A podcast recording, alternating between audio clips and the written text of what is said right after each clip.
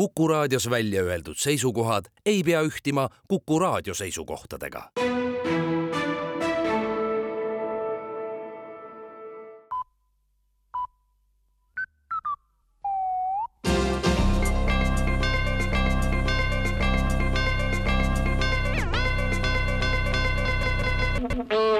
uudised on eetris ja stuudios Rohke Develak riiklik valimiskomisjon annab teada, et järgmistel Riigikogu valimistel ei saa hääletada kõik valimisealised ja valimisõiguslikud kodanikud, kuna rakendub valija eksami kord erakondade valimislubadustel ei ole varsti enam reaalsusega ühtegi kokkupuudet, seetõttu valijaeksami käigus veendubki valimiskomisjon, et valija on vastutustundlik valija, et on oma valimiseelistused kujundanud ilma poliitreklaami abita ning et valija on ka aru saanud elementaarsetest põhitõdedest selle kohta, kuidas riik töötab ja kuidas seda juhitakse kui valijaeksam on tehtud, siis antakse kodanikule valijaload ehk valijakaart. Kui valijaeksami süsteem käivitub efektiivselt, siis väheneb populismi kandepind ja vastutustundetu valijapoolne käitumine. seni on riigi halvas käekäigus alati süüdi olnud poliitikud, mitte kunagi aga neid ise valinud valijad, märgib valimiskomisjon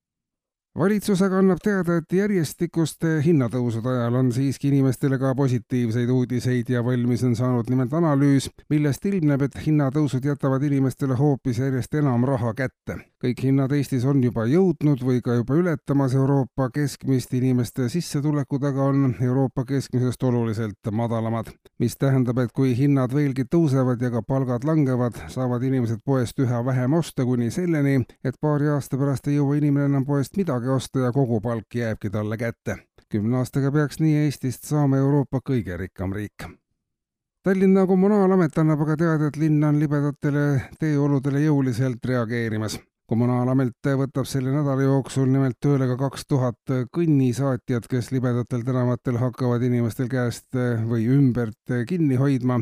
või muul viisil inimest toetama, et nad ikka püsti püsiksid kõnnisaatjad varustatakse ise vastavate erialatsitega, vajadusel võetakse tööle ka kõnnisaatjate kõnnisaatjaid ja neid rakendatakse juba väga libedate teeolude korral. kõnnisaatjad on varustatud ka kollaste helkurvestidega ja kiivritega, millel on kollane vilkur, kaks kiivrit on jalakäijatele jagamiseks samuti kõnnisaatja varustuses olemas. Kui lõpuks hoiavad kõik tallinlased kätest kinni, ei kuku enam keegi maha ja kogu linna rahvas on ühtsem ja hoolivam, märgib kommunaalamet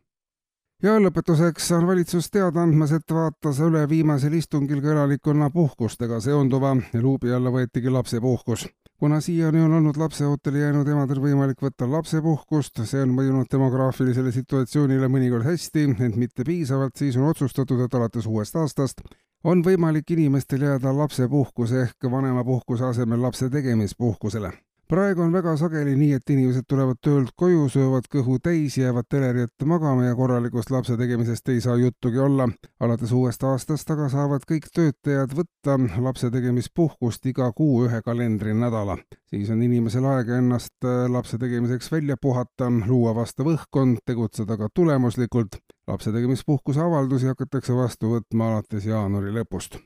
kuulsite uudiseid